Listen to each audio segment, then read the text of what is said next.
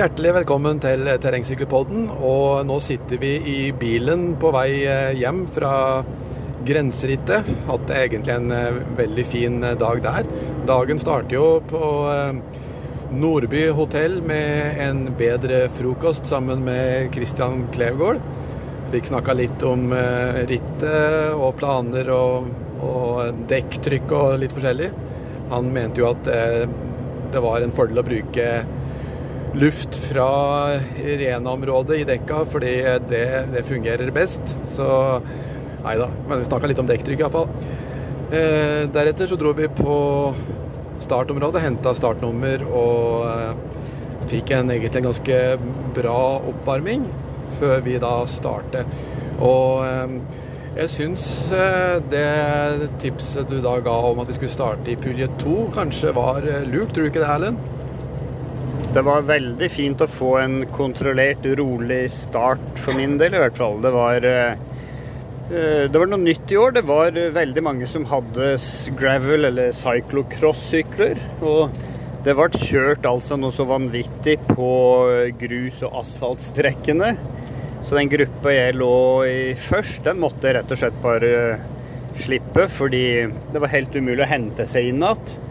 Eh, det var greit å holde følge i terrengpartiene, men på asfaltstrekkene da gikk det altså så fort. Så jeg slapp meg litt ned igjen. Vi starta i pulle to og følte nok at det var riktig i dag. Fikk kjørt oss inn i løpet, ikke ut av det. Eh, og sjøl om vi var i pulle to, så er det jo mange der som er mye sterkere enn oss. Og vi hadde satt oss i den gruppa som eh, da er beregna under 3.10, og så vidt det så kom vi oss begge under 3.10. Stemmer ikke det, Ingar? Jo, sånn cirka, tror jeg. Så eh, det passer. Det var egentlig greit å stå i pulje to. Det var bra med motvind i dag, så eh, det kan nok hende tiden kanskje ble litt eh, dårligere enn eh, hvis det hadde vært vindstille. Men sånn er det med utendørsidrett. Jeg syns det var egentlig kjempefint. Ja, det var godt med den vinden, og, og temperaturen var jo fin. Jeg klarte å komme meg eh, gjennom uh, uten å få sånne kramper som låste seg helt. Hadde lite grann kramper uh, på en, ja, rundt to og en halv time. Uh, da kjente jeg det begynte å nappe litt, men det var ikke verre enn at det, det ga seg etter hvert. Så ser kanskje ut som at det, det med elektrolytter og salter kanskje er løsningen for meg. Så Nei, jeg er veldig fornøyd med egenprestasjonen i dag. Det greit disponert. Ble sliten på slutten, men eh, det er jo riktig. Det er jo sånn man, man, Hvis man sykler et sykkelritt uten å bli sliten, da har man på en måte ikke tatt ut eh, alt. Så alt i alt veldig fornøyd, sjøl om du slo meg jo med fire minutter, Erlend. Du jo en, måtte jo ha en fin dag på sykkelsettet, du òg? Ja da, absolutt. det var greie ben i dag lenge. Kom i gruppa som lå før deg. og Måtte jo etter hvert slippe den òg, men da hadde vi jo tatt det ganske mange fra pull 1, så jeg ble jo liggende sammen med tre andre fra pull 1, så vi kjørte litt mer litt mer overkommelig tempo da, de siste tre milene eller noe sånt. Så det var veldig fint ritt og passe avstand mellom hver drikke- og matstasjon. Mye publikum langs løypa, mye unger som heier. Så det var egentlig kjempestemning. Eh, det har jo nå begynt å regne rett etter rittet, så vi slapp, eh, slapp det verste regnværet. Det var jo litt eh, bløtt visse partier, så det var jo mange som så litt gjørmete ut da de kom i mål. Det hører jo egentlig litt med til terrengritt, syns jeg, da. Så alt i alt en strålende dag for dem som arrangerte grenserittet. Du sa jo da at vi hadde tatt en bedre frokost med Christian Klevgård. Han vant jo jaggu meg ritt i dag òg. Eh, I forkant av det her da, så har jo vi tatt en um, prat med han i forbindelse med at han vant Sykkelvasan forrige helg. Uh, det blir utrolig spennende nå å se om han klarer å gjøre det samme på Birkebeinerrittet òg. Det hadde vært helt, helt vanvittig hvis han klarer å stikke av med seieren på Sykkelvasan, Grenserittet og Birkebeinerrittet. De tre største arrangementene innenfor terrengmaraton. Ehm, hvis man da ser bort fra Norgesmesterskapet på Hannekamp Rypjakta som kommer i september, som på mange måter er litt større, men det er mye færre deltakere, og ramma rundt er jo kanskje litt mindre. Så det blir, eh, det blir bra. Jeg tror da at vi bare setter rett over til Christian Klevgård.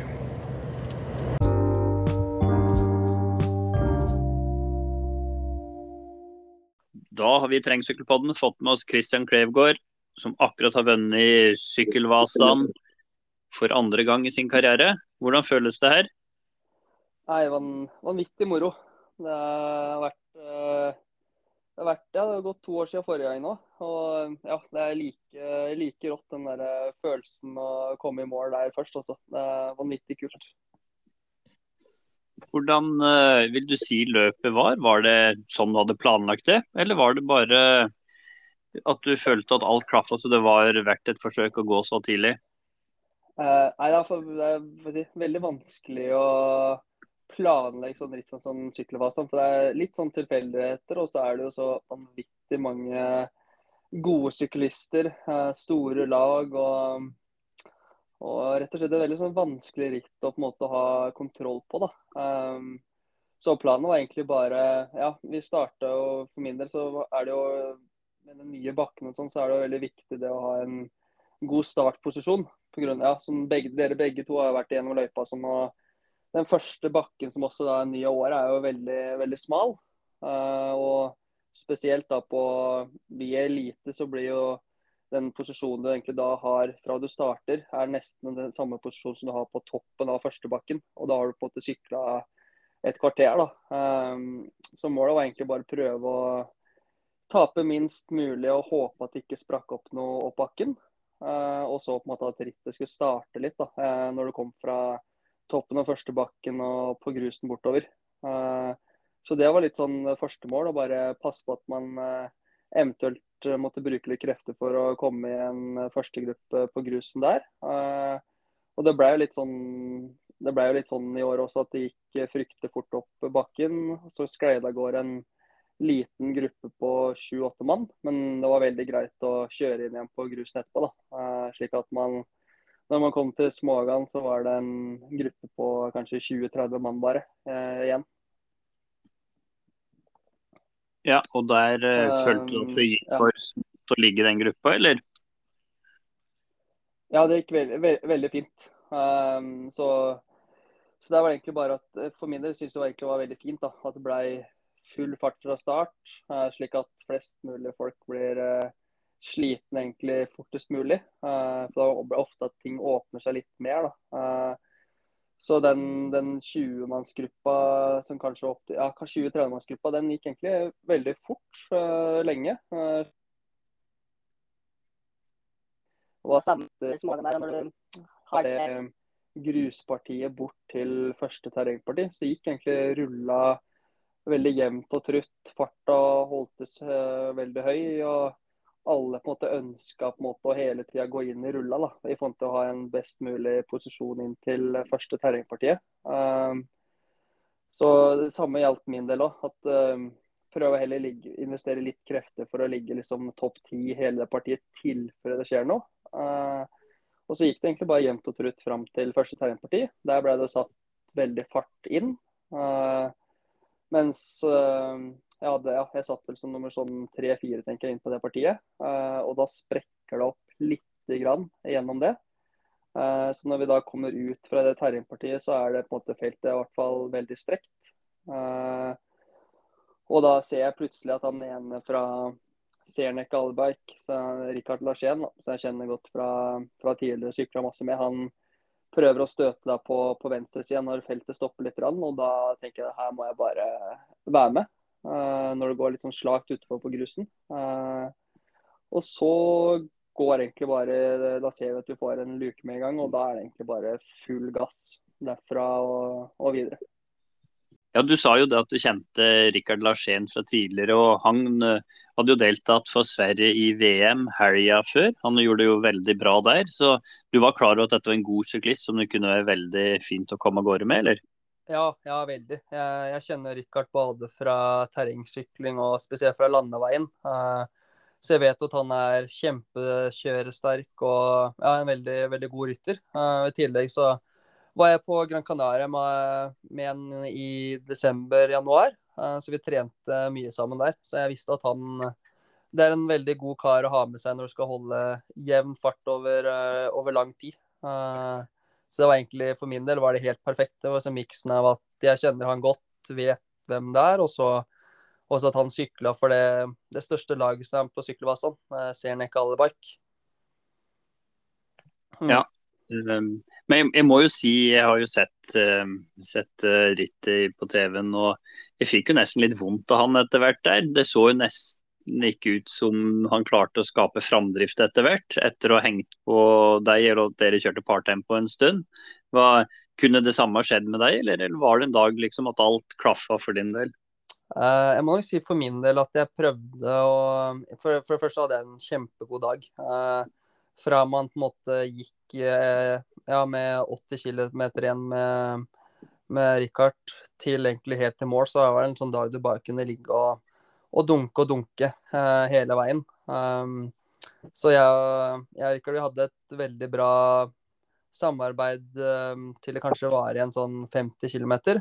Um, og så tror jeg nok han kjente på en måte at den, den farta var uh, litt høy. Uh, og i tillegg så, når det var 50 km igjen, så sa han også det at vi Nå fikk ikke han lov til å være med og, og dra mer, uh, så jeg ble liggende mer og mer på hjul.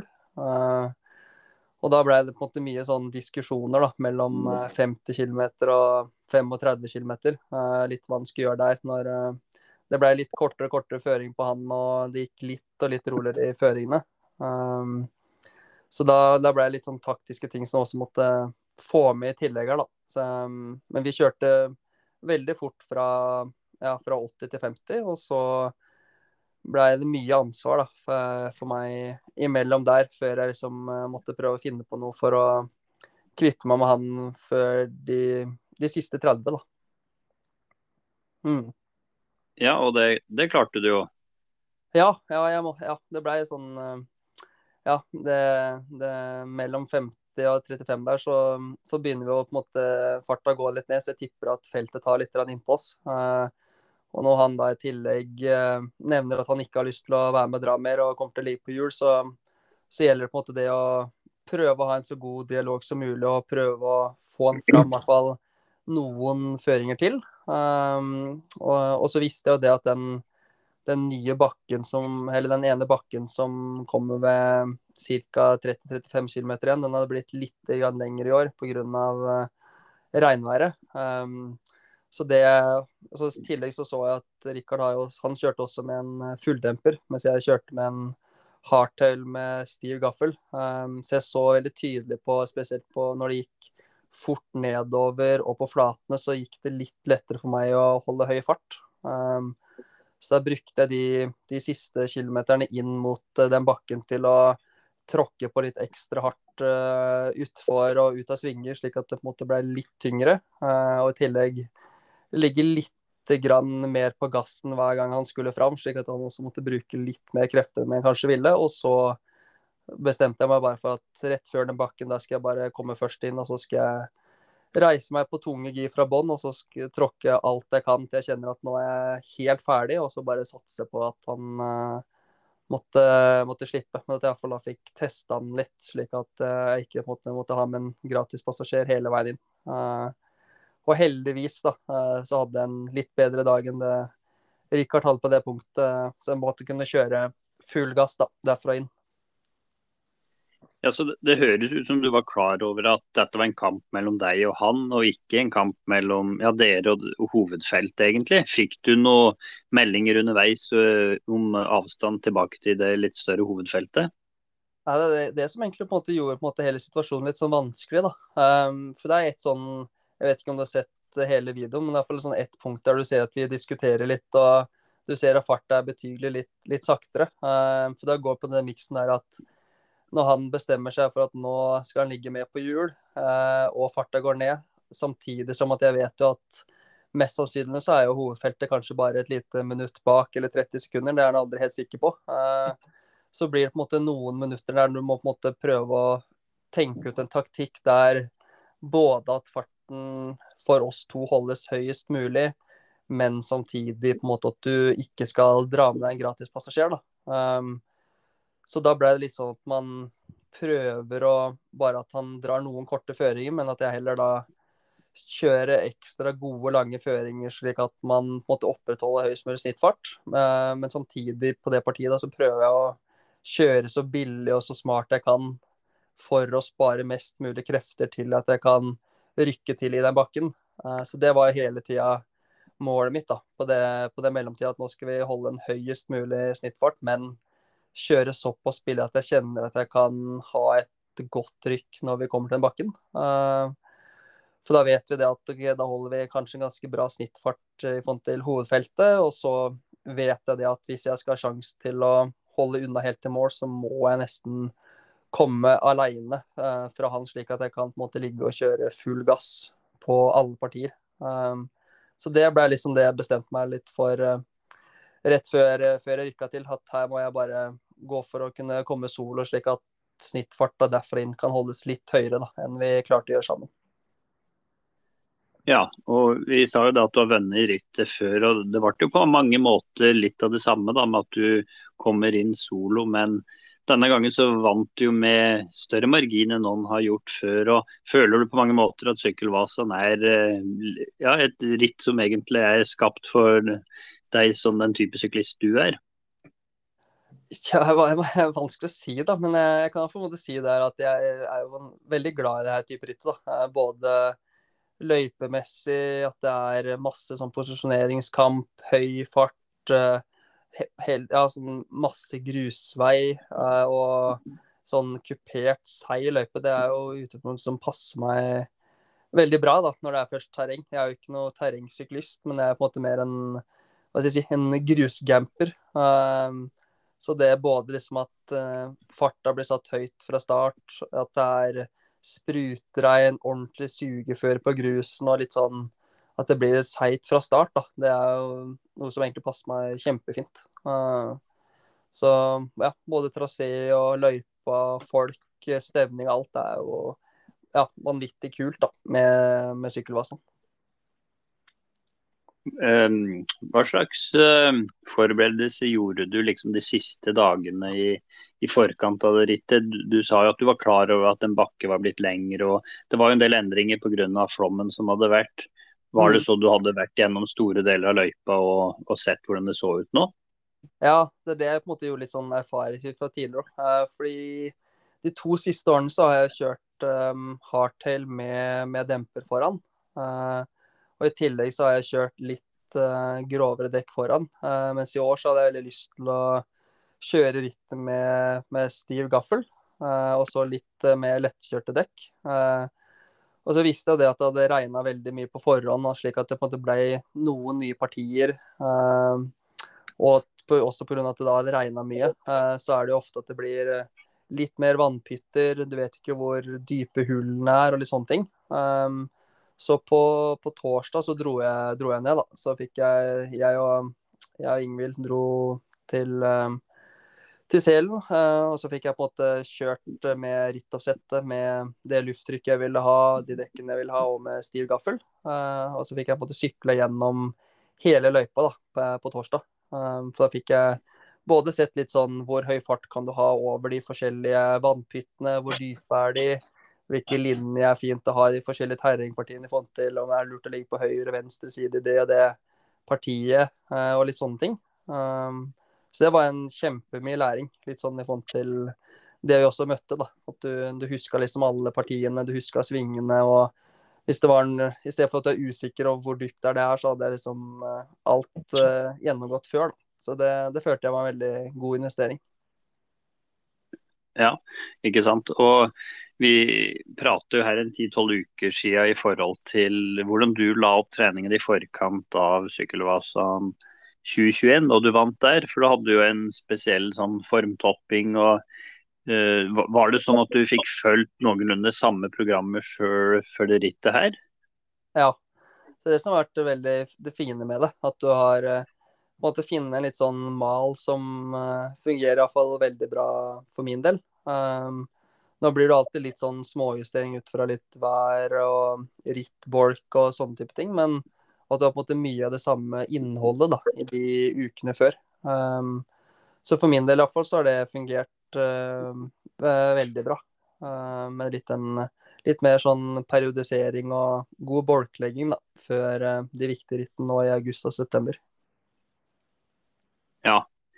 Hva, hva tenker du liksom er, er, de viktigste egenskapene for å, å lykkes på sykkelvasene? Altså, du har jo syklister her som til vanlig kanskje sykler rundbane, du har noen landeveissyklister.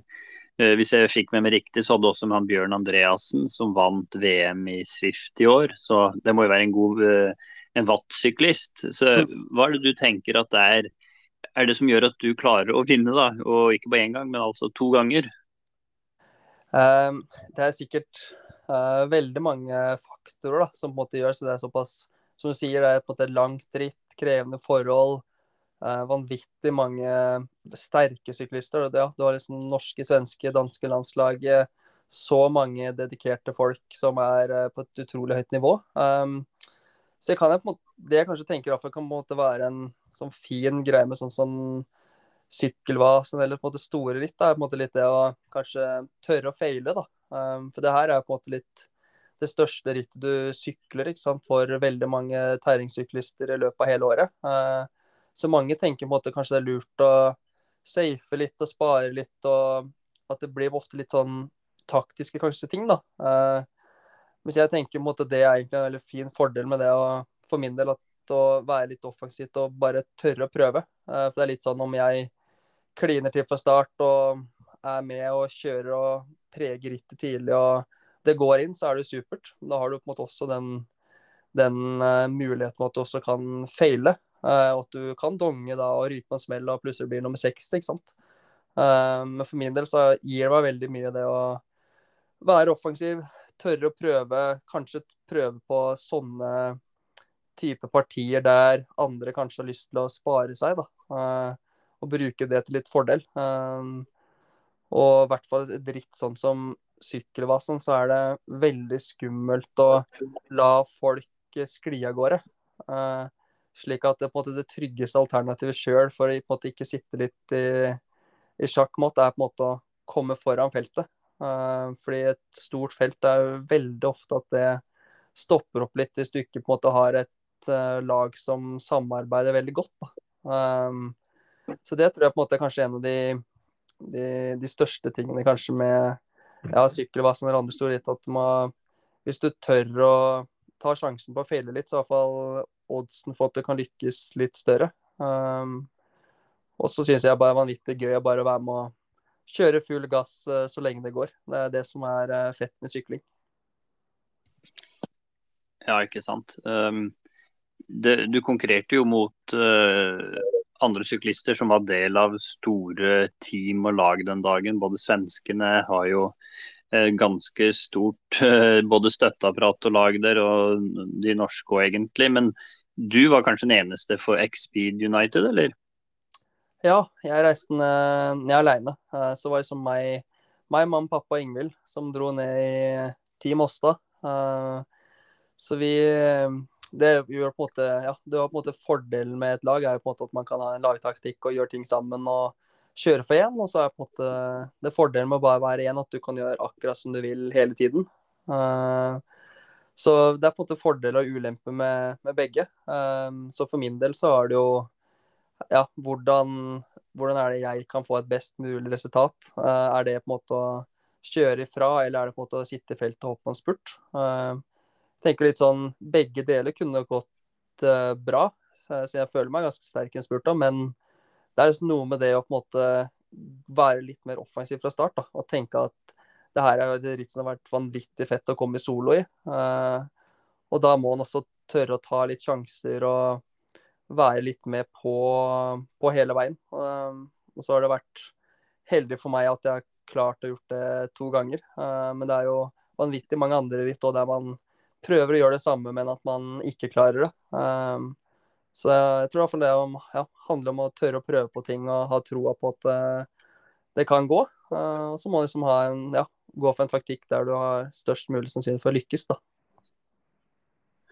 Ja, Var det sånn at da familien din hjalp deg med langing underveis og sånn? Vi så jo på, på videoen at du tok en av de ferdigfylte flaskene på Høkberg bl.a. Og hun, hun som uh, delte ut den flaska til deg, så jo helt sjokkert ut og overlykkelig ut at uh, du faktisk tok en flaske der. Var, var, det sånn at du var avhengig av å måtte ta ifra de offisielle lange stasjonene, eller? Eh, nei da, jeg var kjempeheldig. Jeg hadde jo eh, mye hjelp i det. Jeg hadde jo mamma, pappa og Ingvild på mange steder underveis. De var jo på alle, alle de lange stasjonene pluss eh, steder imellom. Eh, og så hadde jeg i tillegg flott hjelp av familien Saerbakken og Amundsen, eh, som hadde med foreldre som sto og langa på de partiene imellom som det ikke var, eh, var langing. Så du hadde på en måte veldig sånn stor tilgang da, på å drikke egentlig hele rittet. Um, så du blei, ja, så det var liksom aldri noe aldri noe problem. Um, I tillegg så hadde jeg jo, fikk jeg masse hjelp på dagen før med litt sånn sykkelfiksing av både familien Amundsen og Sagbakken og Osvold fra Hamar. Det var et ordentlig sånn samleprosjekt for å få skotten min klar til, eh, til, lørdagen. Så det har vært en ordentlig sånn team-effort eh, hele helga. Ja, herlig, altså. Um, vi har jo en annen som er med her nå. og Han var jo ikke veldig langt bak deg i mål, egentlig, Ingar. Eller, eller var du langt bak? Hvordan var dette? Nei, Jeg tenkte om jeg var langt bak Kristian. Eh, ja, lå ikke du dette forfølgerfeltet, eller? Jo, eh, iallfall jeg var i et forfølgerfelt, men eh, det var kanskje ikke det som var nærmest, eh, hvis det er det du tenker på, da? Ja da. Nei, jeg bare tenker på, du, du var jo der, og du, du, fikk jo en del av de samme opplevelsene antageligvis. Så du har vel sikkert en del spørsmål, du òg? Ja da, jeg har det. Og uh, først og fremst så vil jeg si tusen takk til Kristian, for du er jo treneren vår. da, Til både meg og Erlend og, og mange flere. og uh, jeg løfta meg jo faktisk 40 eh, plasser fra året før, og uh, kan jo takke deg litt for det òg. Jo, tusen takk for det. Det, vært, det går liksom litt tilbake til en bra, bra team effort. Uh, og så er det ja, til syvende og sist så er det på en måte utøveren som på en måte gjør all jobben. Uh, og det ser du som er så vanvittig kult med både deg og Erlend. At dere er jo vanvittig dedikerte i forhold til hva dere gjør, setter av tid og prioriteringer. Uh, så det at dere får såpass god fremgang og, og ser den gleden av å følge ting i system, syns jeg er vanvittig kult. Uh, så det, nei, det var en fin, fin helg for både terrengsykkelpodden og målretta trening. Ja, det var det virkelig. Så jeg tenker litt i forhold til Det er mange av de som eh, lytter på oss, som eh, også sikkert er litt sånn nysgjerrig på hva egentlig målretta trening eh, driver med, og hva slags type trening eh, som man kan anbefale. Men litt tilbake til sånn type ritt som, som Vasaloppet. Eh, hva vil du si er viktig å tenke på de to siste ukene i forkant av et ritt som det her for en sånn gjennomsnittlig mosjonist? Ja, sånn, det er, det er på en måte sånn, De siste to ukene så er det på en måte ikke så veldig mye du får gjort annet enn å på en måte få Uh, spist godt, sove godt. Uh, få noen uh, sånne toppøkter, gjerne der du på en måte korte intervaller med høy intensitet. og så er det på en måte det å ofte redusere volumet litt da, inn mot start. for min del så syns jeg det er veldig ålreit sånn, kanskje sånn tre uker før at du kanskje kjører en uke med veldig mye hardøkter. litt sånn som dere også har fått gjort litt i perioder med sånne uker der eneste målet er å ha mange intervaller etter hverandre for å på en måte bryte det ned. Uh, så har vi ofte på en måte en sånn uke to der du har litt mer uh, sikring og litt mer volum, og så har du på en måte siste uka der du får noen flere toppøkter og enda mer hvile og litt kortere økter sånn generelt. Um, så ofte er det en sånn fin mal for å få liksom litt den superkompen da, inn mot sånne konkurranser. Og det er også veldig mye det samme jeg gjør òg.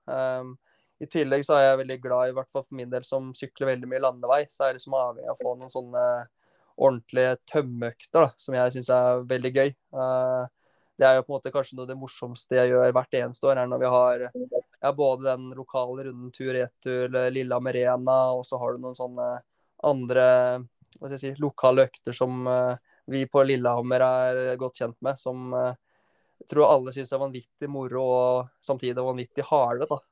Um, og den miksen av det tror jeg var for noe som gir meg en, et veldig bra sånn grunnlag eh, fram mot de viktige konkurransene med at du har hatt liksom mye av lignende belastning over mange, mange timer der du ligger og jobber med ho hodet og tømmer deg helt, Eh, så blir på en måte den opplevelsen i rittet ganske, ganske lik.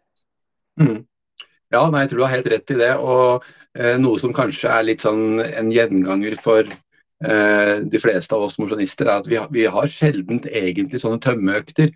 Det er stort sett eh, økter der vi Noen økter er harde, noen økter er eh, eh, litt lengre med litt lavere intensitet. Men det er kanskje sjelden sånn skikkelig tømmeøkter der man på en måte er i kjelleren. Eh, hva tenker du, det, Mener du sånne økter er ganske viktige for å oppnå framgang her?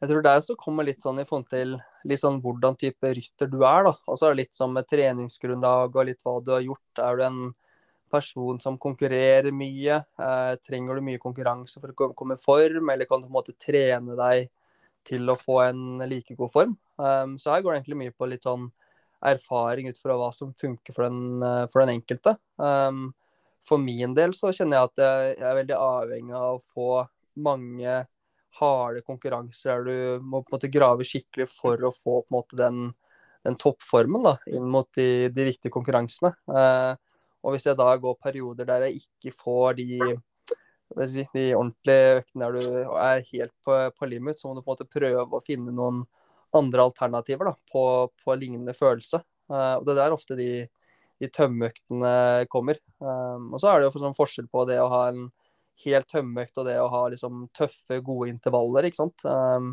som kanskje er på litt høyere intensitet med korte varighet. Um, så er det på en måte det å finne den, si, den, den gylne miksen som gjør at akkurat du kommer i så god form som overhodet mulig. Og der er det jo ingen fasit. Um, og det er sikkert som du ser på både deg og Erna at man kanskje også gjør litt forskjellige ting. ikke sant? Fordi noen responderer bedre på den ene tingen enn den andre.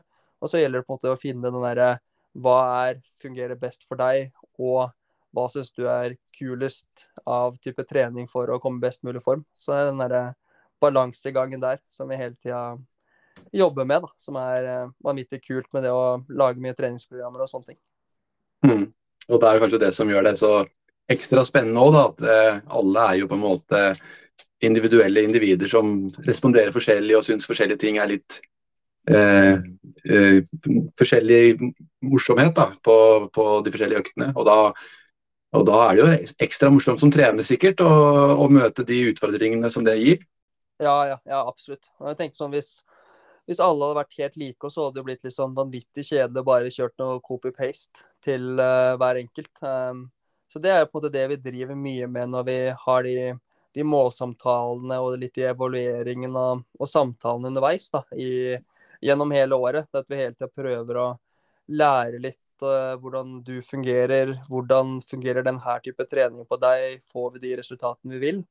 Og så tar du hele tida og lærer de, de småtingene per enkelt uh, person. Og så gjelder det på en måte det å hele tida OK, det her fungerte, ok, det tar vi med videre. Det her det responderte du ikke så mye på. OK, ja, men da har vi testa det, og gjør vi noe nytt. Så hvis en har litt den tankegangen at du tar med de tingene som fungerer, tør å prøve litt nye ting. Um, og så lenge man har en plan og hensikt med, med, det man gjør, så får man iallfall eh, uansett et, en form for svar da, om det fungerer for den enkelte. Uh, og det er litt sånn som vi gjør mye med treninga deres, at dere får testa mye forskjellige typer trening. Uh, og så gjør vi oss erfaringer, og så tar på en måte evaluerer da, ut fra hva det har gitt oss. Uh, så det gir iallfall veldig mye fleksibilitet for meg, og det er sånne ting jeg syns er veldig kult. da, Å dele sånne erfaringer, og slik at både jeg og de man da trener, blir, eh, blir bedre og får mer ut av den treningen man har til rådighet. Ja, ikke sant. Nei, det er uansett uh, utrolig spennende å være med på uh, et sånt prosjekt som det her. Men sånn litt tilbake til, til sykkelvasene igjen, da. Så sykla jo du med en stiv sykkel. Vi snakka litt med Østen, han er jo også med på denne episoden her. Og, og han øh, valgte Han har jo en, han har kun fulldemper han, og valgte å sette på en stiv gaffel i forkant øh, av rittet. Og kjørte en, en fulldemper med stiv framgaffel. Uh, og lykkes jo veldig bra med det. Uh, du mm. kjørte jo på en, en Scott, og om jeg ikke har forstått helt feil, så er det en, en 2015-modell, stemmer ikke det? Jo, det stemmer. Så en, eh, gammel, en gammel klassiker som vi kjøpte brukt for uh, mange år siden. Ja, det er ganske rått da, å vinne sykkelvasen på en såpass gammel sykkel.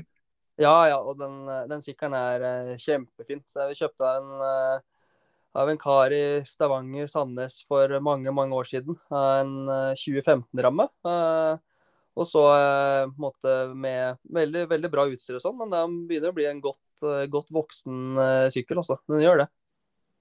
Ja. Har du oppgradert med noe, noe, utstyr og sånt, eller er det samme som du har vært hele tida? Eh, det er Alt er likt som vi, den var når vi kjøpte den brukt i 2015. Uh, eh, unntatt jeg har fått på I år så har jeg fått, fått på noen nye karbonhjul. Uh, 1814 karbonhjul.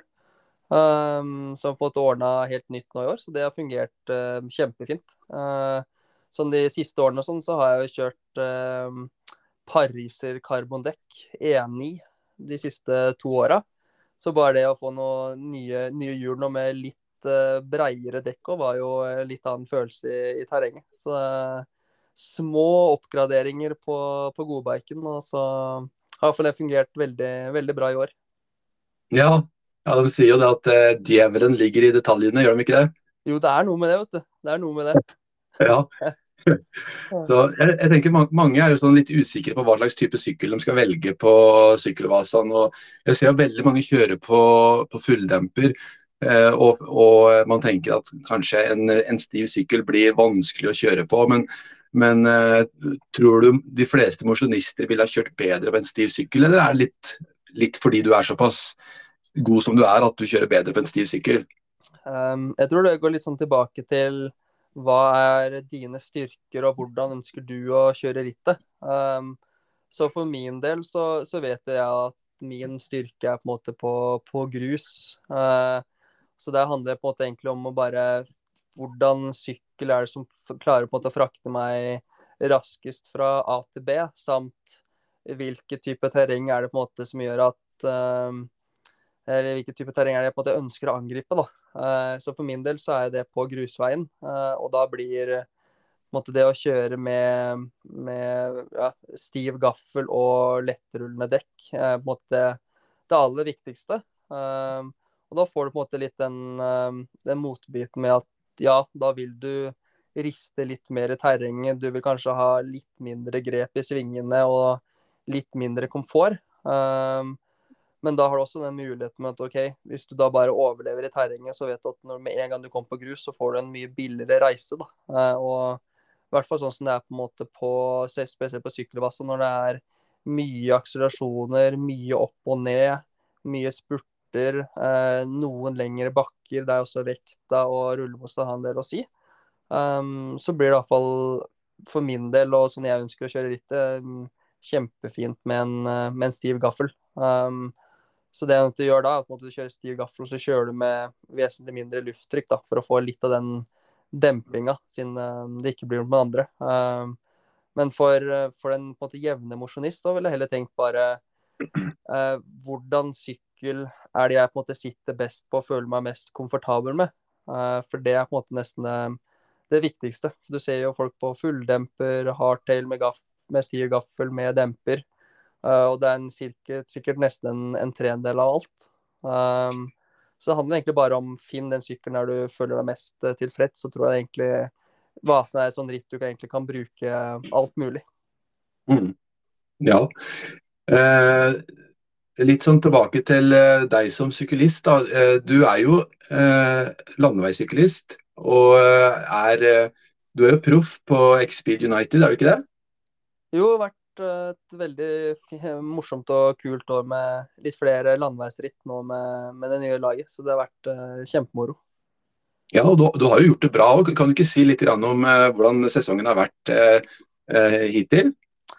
Jo, den har egentlig vært veldig lang og med masse nye kule opplevelser. Vi starta med ritt allerede i februar, der vi kjørte mye ritt i Belgia, Nederland, Frankrike og Slovenia. Um, så det har egentlig vært en vår der du har på en måte fått um, ja, både komme på nytt lag, masse nye nasjonaliteter og komme inn i en gruppe med mye si, motiverte og og gira folk, som har vært kjempemorsomt. Og i tillegg så har du på en måte fått lov til å sykle ritt med folk man har sett på TV, og som du på en måte har drømt om å på en måte få konkurrere med. Så det har vært en veldig, kul, veldig kult og lærerikt år da, med å Normalt sett så har han på en måte kanskje kjørt seks-sju eh, sånne UCI-ritt i løpet av året, mens i, i, år får du plutselig kanskje kjøre 40. Um, så du, måte, det blir som et helt annet uh, si, et sånn grunnivå da, på rittene, som man bare er uh, kjempemorsomt uh, å, å, få teste seg på. Og så ser det på de på det høyeste nivået så er jo det vanvittig mange gode syklister. Uh, så ser en det at det er Hvis alt klaffer og du har en god dag og sånn, så er det på en måte muligheter på de litt mindre rittene. Da, um, som man da får fått noen bra resultater gjennom året. Ja, Var det vanskelig for deg å få fri til å kjøre sykkelvasene, eller, eller, var det noen andre planer den helga der? Uh, ja, vi skulle egentlig kjøre noe ritt i, uh, ritt i Polen. Uh, men da litt sånn fra, fra fjoråret så hadde jeg jo veldig lyst til å ha den uh, sykkelvassa-helga litt sånn åpen. jeg kjørte jo ja, i 2021 der det gikk bra, og så sykla jeg med, med korona i fjor. Um, det var litt sånn, jeg, burde jo ikke kjørt, men når du på en måte fikk lov til å starte foran, og det var vanvittig i året så følte jeg litt sånn han måtte gi det et forsøk. Men uh, da gikk det jo veldig, veldig dårlig og ble langt bak, og du var egentlig bare helt ferdig. Um, så jeg hadde veldig lyst til å vise litt uh, i år, da, at det ikke bare var et, uh, et blaff. At man ikke hadde flaks i 2021, men at det faktisk var et veldig, veldig bra resultat. Da. Så jeg var veldig sånn revansjesugen etter fjoråret til å kjøre et offensivt og fett ritt og lage litt, lage litt moro. Ja, og det fikk det jo virkelig til òg. Og eh, Nå har jeg sett litt på noen startlister til neste helg, og det ser jo nesten ut som du skal sykle grenseritt òg, stemmer det? Ja, nå fikk jeg på en måte tenkt litt da, og fikk eh, gjort om litt her. Så da ser det ut som det blir nå grenserittet på, på, lørdag, og så blir det noe norgescup landevei på, på søndagen. Så det blir eh, kjempemoro. Nå er det mange, mange år siden jeg sykla grenserittet, så det blir kult å å få et uh, terrengritt til nå før, før Birken. Ja, både jeg og Erlend skal jo dra nedover dit og, og delta på grenserittet. Og Erlend har vært med før, jeg har aldri vært med der. Har du noen tips og råd i forhold til hvordan man skal angripe det riktig? Ja, da tror jeg nesten du bør spørre Erlend nesten mer enn meg. Jeg er så, jeg er så mange år siden og at jeg har Jeg tror jeg nesten har glemt jeg, hvordan mye av den, den løypa. Jeg husker at det var noen sånne seige svalbard som uh, Kanskje hvert fall den, den stive gaffelen min syns ikke er så hyggelig. Uh, men forhåpentligvis er det mye grus, da. Så jeg vet ikke hva Erlend sier. Ja, jeg vet ikke. Det Er, hva tenker du Erlend? Det er jo, hvis en ser på Jeg har løypeprofilen foran meg her nå, og da ser det ut som at det eh, på ca. 36 km, 37 km, så er du på en måte nede i en sånn ganske lavt parti, men så blir det en voldsom stigning derifra som, eh, som varer ut til eh, omtrent fem mil. Hva tenker du om det, Erlend? Er det noe som eh, bør avskrekke de fleste, eller tror du vi faktisk fikser det? Tenker du på stigninga da, at den er avskrekkende? Ja. Ja, ikke for deg. Du er jo reneste Nairo Quintana, du. Så, men for andre så bør man vel kanskje eh, porsjonere ut kreftene underveis der. Ellers er det som Christian er inne på, altså at det, det er mer terreng her enn Birken og Sykkelvasan og sånn. og Eh, jeg anbefaler egentlig i hvert fall å ha en demper, altså. Jeg sjøl punkterte jo et av de litt steinete terrengpartiene den gangen jeg var med. Så jeg vil nok uh, antageligvis velge å stille med demper foran, i hvert fall. Men Christian kjører på stiv gaffel, gjør du ikke det? Ja, du vet, vet når du først liksom satt på den stive gaffelen, så er det litt tiltak å bytte vet du, til den demperen. Litt sånn skruer, litt sånn teknisk. Så det lukter jo fort at dette blir et uh, klassisk uh, stiv gaffelritt med noe Thunderbird, tenker jeg. Ja. Tipper jo det. Nei, det blir uh, uansett veldig spennende. Så jeg tenker nå som så at vi får nå på en måte bare forberede oss litt fram til da. Og så får vi bare si tusen takk for eh, praten med deg, Kristian. Vi holder jo kontakten, vi, som, eh, som alltid. Og så igjen gratulerer med et eh, vanvittig resultat på Sykkelvasaen, og så følger vi med deg videre på resultatene dine.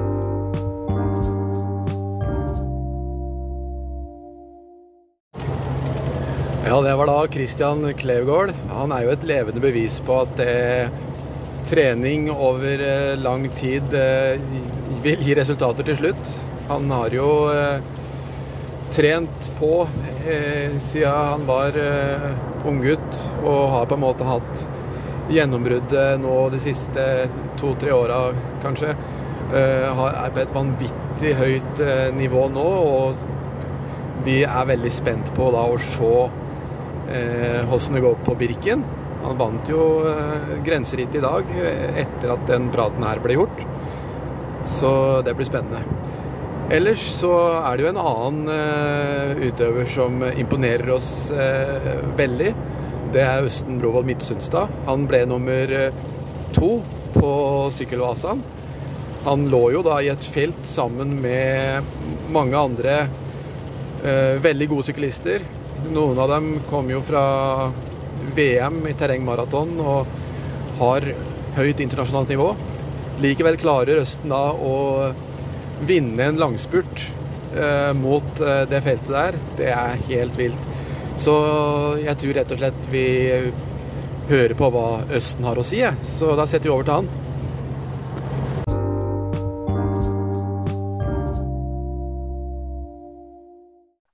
Da er vi igjen så heldige at vi har med oss eh, Østen Brovold Midtsundstad. Og først vil jeg få lov til å gratulere deg med et vanvittig vanvittig bra ritt eh, i Sverige. Eh, andreplass i Sykkelvasaen.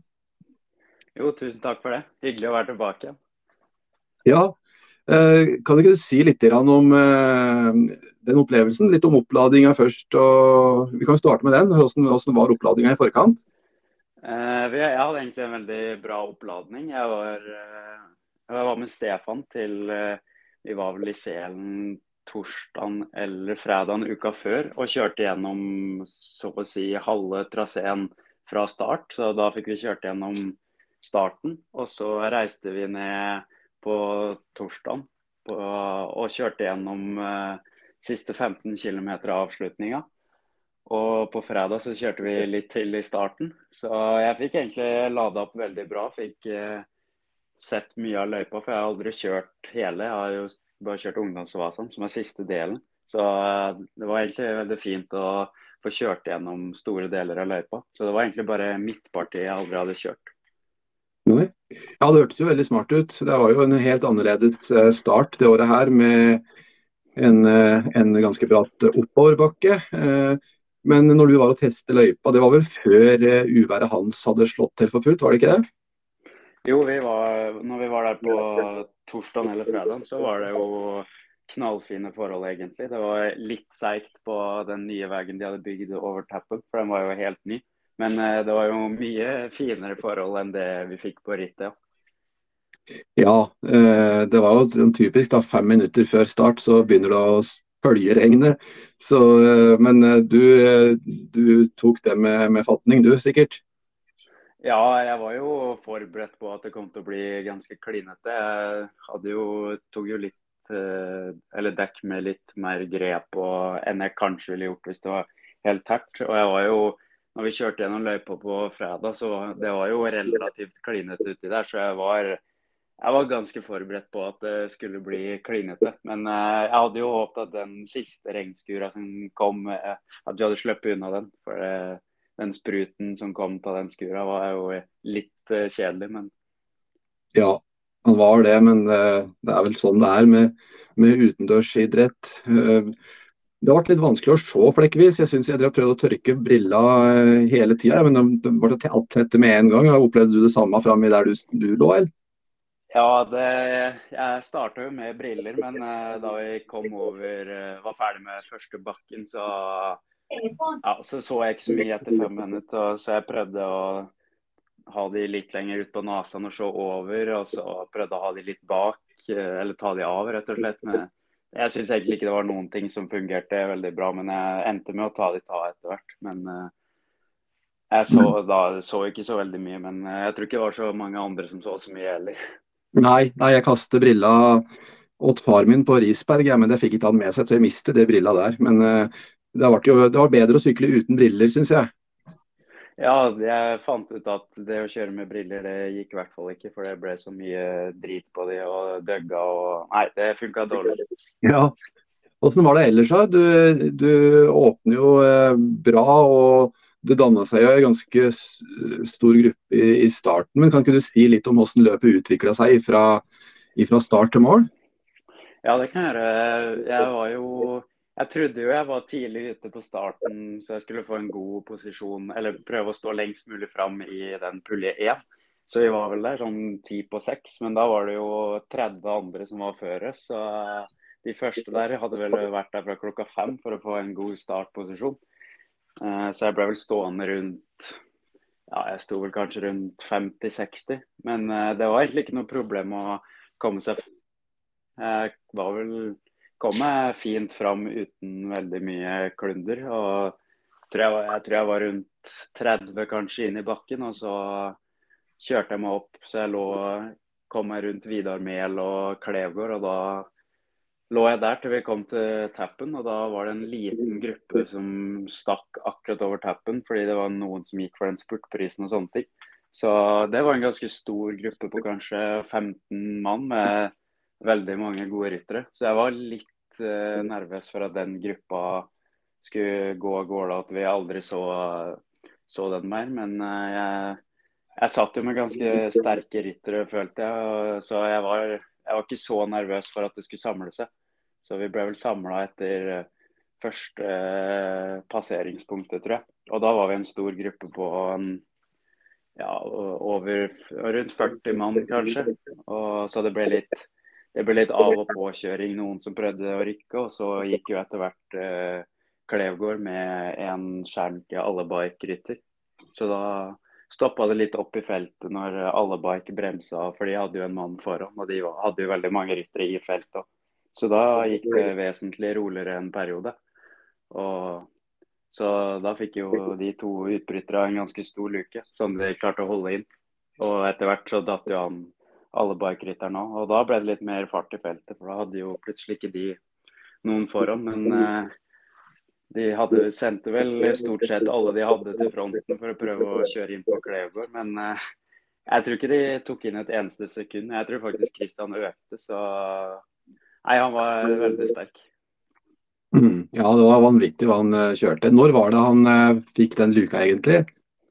Jeg tror den gikk med sånn uh, 85 km igjen. Eh, han kjør, gikk i hvert fall jævlig tidlig. Så ja. det var imponerende. Ja, det er eh, rett og slett imponerende at han klarer å holde unna et felt eh, alene sånn i, i framkant. Så disse her i altså, alle bike-teamet, de, det er et ganske stort team. Eh, Eh, tidligere vinner var vel Emil Lindgren i, i fjor. Han, han, kjørte, men jeg tror kanskje han fikk noen tekniske problemer. Men opp, oppdaget du ned eller hva som skjedde med ham? Ja, jeg lå på hjula hans, og da han fikk en bakhjulspunktering. Ja, da var nesten eh, det jeg trodde. Også når vi kommer eh, mot nærmere mål, da, du, ved Eldris, eh, da er det vel fortsatt en ganske stor gruppe du ligger i, er det ikke det? Jo, jeg er ikke helt sikker på hvor mange vi var, men jeg tipper vi i hvert fall var en 20 mann. Så vi var fortsatt en stor gruppe med mange sterke. Ja. Gjorde du deg noen spesielle tanker da? Hva du tenkte du skulle Noen planer, eller hva, hva tenkte du? Jeg var jo forberedt på at det var kanskje noen av de største kanonene der kom til å prøve seg på et rykk litt før innspurten. For jeg regna jo med at noen kanskje ikke var så ivrig på en spurt. Og jeg, jeg regna jo med at uh, kanskje Hunton Hardrocks ville prøve seg med et eller annet, og noen av uh, de største, uh, eller de sterkeste svenska. Så jeg prøvde egentlig bare å sitte ikke dårligere enn femteposisjon og egentlig prøve bare å svare på alle rykka som gikk. Ja, så det var det som var taktikken, å bare holde seg langt fram i feltet og, og, svare på det som uh, måtte skje. Ja. Det er, uh, altså, det er, mange, det er ganske store team. Uh, at alle bike er vel av de kanskje det største. du sykler, sykler for Soler sykkelklubb. og hadde det team, Var det mange i feltet fra det teamet her? Eh, det var vel strengt tatt bare meg. Vi, vel, vi var vel to stykk som stilte i tevling. Og han ene som heter Roger Bjørnese, kjørte vel av eh, halvveis omtrent. Så nei, det var bare meg uti der, ja. Ja, og det syns nå jeg at det står eh, desto mer respekt av. Da, at man er der uten noen lagkamerater eller noen ting, allikevel da, klarer å å få til en, eh, en eh, andreplassering. Du vinner jo spurten eh, på, inn mot mål der, i det store feltet der. Det er jo, det er jo felt med de fremste terrengmaratonsyklistene i, i, Norden. Og, og, likevel så får du til det du gjør. Jeg har sett, jeg har sett det på, på, film, men kan ikke du si litt om hvordan de siste 500 meterne på, på rittet var? Jo, jeg gikk Vi kom jo inn frid, på baksida av friidrettsbanen. Helt på slutten da er det vel kanskje en, ja, omtrent en kilometer igjen. Og da, der var det ganske klinete. Så jeg lå vel på hjulet til uh, Wengelin og Eskil Jensen Lie. Og så de tok høyre. Og da la jeg meg helt venstre, for da tenkte jeg Jeg syns det så ut som det kanskje var litt bedre å kjøre der, litt mindre klin. Og han Hugo som var nummer tre, svingte etter hvert over dit. Så vi to kjørte venstresida. Og jeg tror faktisk det var litt kjappere. Og da fikk vi en liten luke. Og så så jeg meg bak og tenkte at når vi hadde den lille luka, at nå er jeg nødt til å prøve. For jeg, jeg stolte ikke på spurten min i det hele tatt når det var såpass mange gode der. Så jeg tenkte nå har vi en liten luke, så da, da må jeg bare prøve. Så da kjørte jeg til alt det egentlig, Jeg brukte egentlig spurten min der og i håp om at jeg skulle få en uh, luke på han Hugo. Og da fikk jeg en liten luke. Og da tenkte jeg nå må jeg bare kjøre inn. Og så bare ga jeg alt jeg hadde og turte ikke å se meg bak før jeg var på oppløpet. Og så så jeg at jeg hadde en bra luke og at jeg mest sannsynlig klarte å holde inn hvis ikke han Hugo hadde en kjempespurt på slutten. Så det var veldig artig i hvert fall. Ja, ja det skjønner jeg. Det, det, var en, det, var en, langspurt. og Ofte når man ser på sånne her eh, sykkelspurter, eh, avslutninger, spesielt på landevei, da, så ser man på en måte at de som kanskje ligger fremst lenge i spurten, de blir etter hvert tatt igjen av de som har folk som trekker seg opp og som på en måte gjør det helt på slutten. Men du lå jo fremst der og, og pressa vind og tok det likevel, så det, syns jeg er helt vanvittig rått. Men uh, nå skal jeg slippe en, uh, slippe en Erlend til ordet her. og Du har sikkert masse spørsmål du og Erlend? Ja da, absolutt. og jeg har jo sett på denne videoen eh, flere ganger jeg, fra rittet. Jeg syns det var ganske interessant å se. Det så ut som du hadde valgt en sykkel og et oppsett som du vanligvis ikke bruker. Kan du si litt om hva, hvilke vurderinger du gjorde i forhold til den sykkelen du valgte deg til det rittet her? Ja, ja, det var jo litt interessant. Jeg hadde jo egentlig tenkt å bare kjøre en vanlig rittfull-demperen min med kanskje litt smalere dekk. 2-2 Aspen, kanskje. Eh, og så prata jeg litt med Stefan før eh, start og før vi reiste, eller når vi var og kjørte gjennom uka før. Og så fant jeg vel egentlig ut at det var Det er jo en ganske eh, lett løype med lite teknisk. Det er jo egentlig ikke noe teknisk. Det er noen litt dårlige traktorveier med litt stein og sånne ting. Eh, så jeg tenkte at kanskje fulldemper med stivgaffel hadde vært interessant å prøve. Og Stefan prøvde vel det sjøl òg, og syntes det var ganske bra. Så da bestilte jeg meg en stivgaffel på det var vel på lørdag. Og i håp om at jeg skulle få den før jeg reiste ned til Selen. Og jeg fikk den vel på tirsdag og fikk satt den opp og prøvde en liten runde. og Det syns jeg var ja, det var veldig bra. Klart det er ikke like bra som en hardtail kanskje, men uh, nå har jeg bare to fulldempere. og Jeg tror faktisk det er det beste jeg har prøvd noen gang på grusritt. Og i hvert fall på et ritt som Vasan der det er litt dårlige veier og sånne ting, så du får litt slag hele tida. Da er det fint å ha en bakdemper som tar imot uh, de småslagene hele tida. Og så kjørte jeg litt andre dekk. Kjørte Race King bak og Aspen 2-2 foran. For det ble jo ganske gjørmete, så jeg, da vil jeg ha litt knaster i framdekket. Og bak er det ikke så farlig. Så, og Race King har jo litt knaster, så jeg tror det var et optimalt valg for min del. Ja, det virker som det svarte bra. Og det var jo imponerende å se den sluttspurten din når de andre knoter litt i gjørma der, og du bare gasser rett fram og får luka med en gang. Så ble du, ble du overraska sjøl da, da du så at de andre slapp? Ja, jeg var, jeg var, vel egentlig forberedt på at det kanskje skulle komme et ordentlig støt av noen av de sånn som Wengelin og Eskil Jensen Lie og Martin Røste Omdal, som, som jeg veit er egentlig er bedre enn med en avslutning. Så jeg ble litt overraska da jeg så at jeg fikk luke, og at jeg, når jeg skjønte at jeg kanskje klarte å holde helt inn, i hvert fall en tredjeplass. Så jeg hadde trodd at han skulle hente meg inn eller klare å henge på rykket. Så det hadde jeg ikke trodd. Nei, det er imponerende.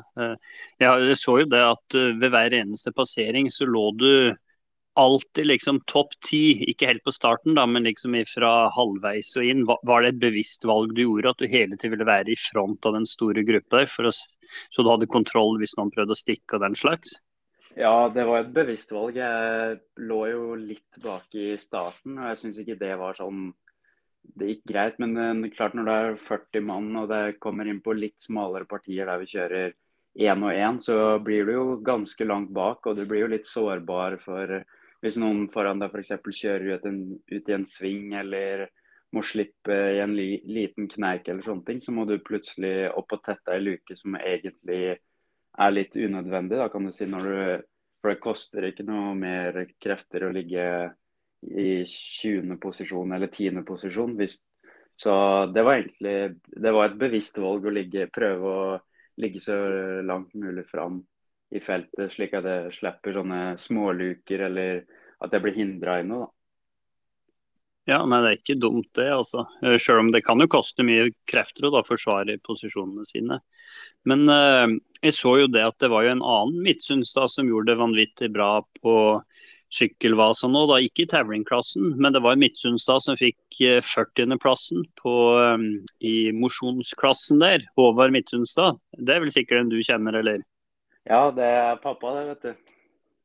Ja, Han må da være godt fornøyd? 3.36,21? Ja, jeg tror egentlig han er veldig fornøyd. Han, eh, han, er, han har trent bra i hele sommer og sånne ting. Altså, han var litt uheldig før vi skulle reise ned, fordi da han skulle ta fram sykkelen på fredagen her, så hadde bakdemperen kollapsa. Så han var litt usikker på om han egentlig fikk kjørt, men eh, da tok han reservesykkelen min, så vi gjorde litt fikk modifisert den, den, eh, og stilt den inn sånn at den passa han. Så tok han en liten uh, tur i, opp første bakken kvelden på fredagen. Så det var bare det han rakk å sykle på. Og så klinte han til på lørdag og sykla. Og så jeg tror han egentlig er veldig fornøyd. Ja, det er jo Det lukter jo kanskje at han blir å sykle Tavring-klassen neste år, da. Eh, basert på den tida, hvis, hvis, han skal delta neste år, da. Så ja, det er jo jeg har, jeg har sagt til ham at han får stille i Tavring neste år, så han kanskje får enda bedre tid. Så vi får se om han stiller. Ja, ja, ja.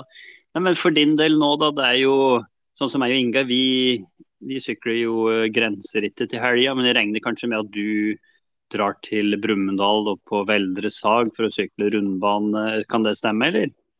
Ja, jeg blir dessverre ikke med på grenseritten. Jeg prioriterer å kjøre Norgescup rundbane. Det er jo litt synd at begge de to rittene er på samme helga, for det er jo to ritt jeg syns er veldig artig, begge to. Men eh, jeg prioriterer å kjøre rundbane, ja. Ja, det høres jo fornuftig ut, det. Det er, eh, det er, jo det som er litt artig med sykkelvasa nå. Du har jo både rundbanesyklister og som Klevgård, da, som har sin bakgrunn på landeveien. At man kan møtes og konkurreres litt på sånne ritt. Så, nei, men eh, bare sånn, jeg skjønte du har vært på et treningsopphold du nå i forkant av det rittet her. og Er du godt fornøyd med eh, hvordan det var? Og Har du merka noe god effekt ut av det treningsoppholdet? Det var vel et høydeopphold, var det ikke så? Jo, det stemmer. Vi var på et høydeopphold i regi av uh, Høgskolen i Innlandet, som uh, Sjur forklarte i den podkasten han var med i. Så jeg sa, følte at det egentlig hadde veldig god effekt av det. Jeg var litt tung kanskje etter da vi kom igjen fra høydeoppholdet. Vi kjørte et testritt eh, onsdag forrige uke, eller uka før Vasa-uka. og Da følte jeg meg ikke spesielt bra. Jeg følte meg litt tung. og sånne ting. Men da hadde jeg, jeg trente en god del etter vi kom igjen fra høydeoppholdet, så jeg forventa egentlig ikke at jeg skulle være i sånn superform. Så den uka var litt tung, og jeg følte meg egentlig litt tung i starten av uka nå før Vasan. Men eh, jeg prøvde å slippe opp litt og få litt over, bygge overskudd til Vasan. Og da kjente jeg egentlig at jeg ble følte meg kvikkere dag for dag. og så jeg kjente forskjell fra jeg kjørte den showsprinten på torsdag med Hardrocks til Vasa. Så jeg tror jeg har fått veldig gode, god effekt av det oppholdet. Ja, det er så artig. Er, eh, da, da, har ikke vi noe annet å gjøre enn å bare ønske lykke til på uh, Norgescup i rundbane og ikke minst på Birkeveinrittet, for der regner jeg med du skal delta. Der stiller jeg, vet du. Og da lukter det jo svidd, da, basert på, på andreplassen på Sykkelvasaen. Der var det jo de beste norske og de beste svenskene. På Birken så er det vel stort sett bare de beste norske og en og annen utlending, er det ikke så? Ja, det er vel ikke like mange svensker der, tror jeg. Men det blir vel enda flere nordmenn. Så jeg tror det blir i hvert fall ikke noe lettere oppgave å gjøre, prøve å få til et godt resultat der. Men eh, jeg håper jo selvfølgelig at det kan vise meg fra en god side og ha en god dag. og Da håper jeg jo å være med og kjempe i teten. Ja, nei, I hvert fall lykke til så mye. Vi og Ingar i Trengsykkelpodden følger med. Så håper vi at du kan ta en prat med senere en gang òg, så høres vi. Jo, tusen takk i like måte. Så ses vi på Birken. Det gjør vi. Ha det godt. Ha det bra.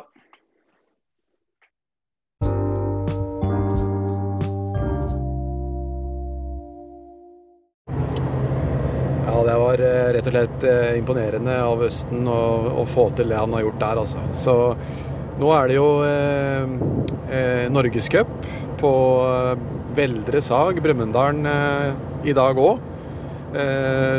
Det har vi jo ikke nevnt. Og der var det kanskje ikke overraskende Knut Røme som stakk av med seieren. Du har jo sett litt på resultata du, har du ikke det, Erlend? Har sett på resultatene, og det er jo landslagsutøverne som presterer veldig bra.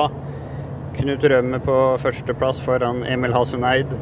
Og på menn junior-sida så var det Sigurd Stubberud, så gratulerer han med en seier. Eh, rett 29 sekunder foran eh, Sivert Ekroll. Så eh, det er bra. Bra nivå, mange deltakere på juniorsida blant herrene der.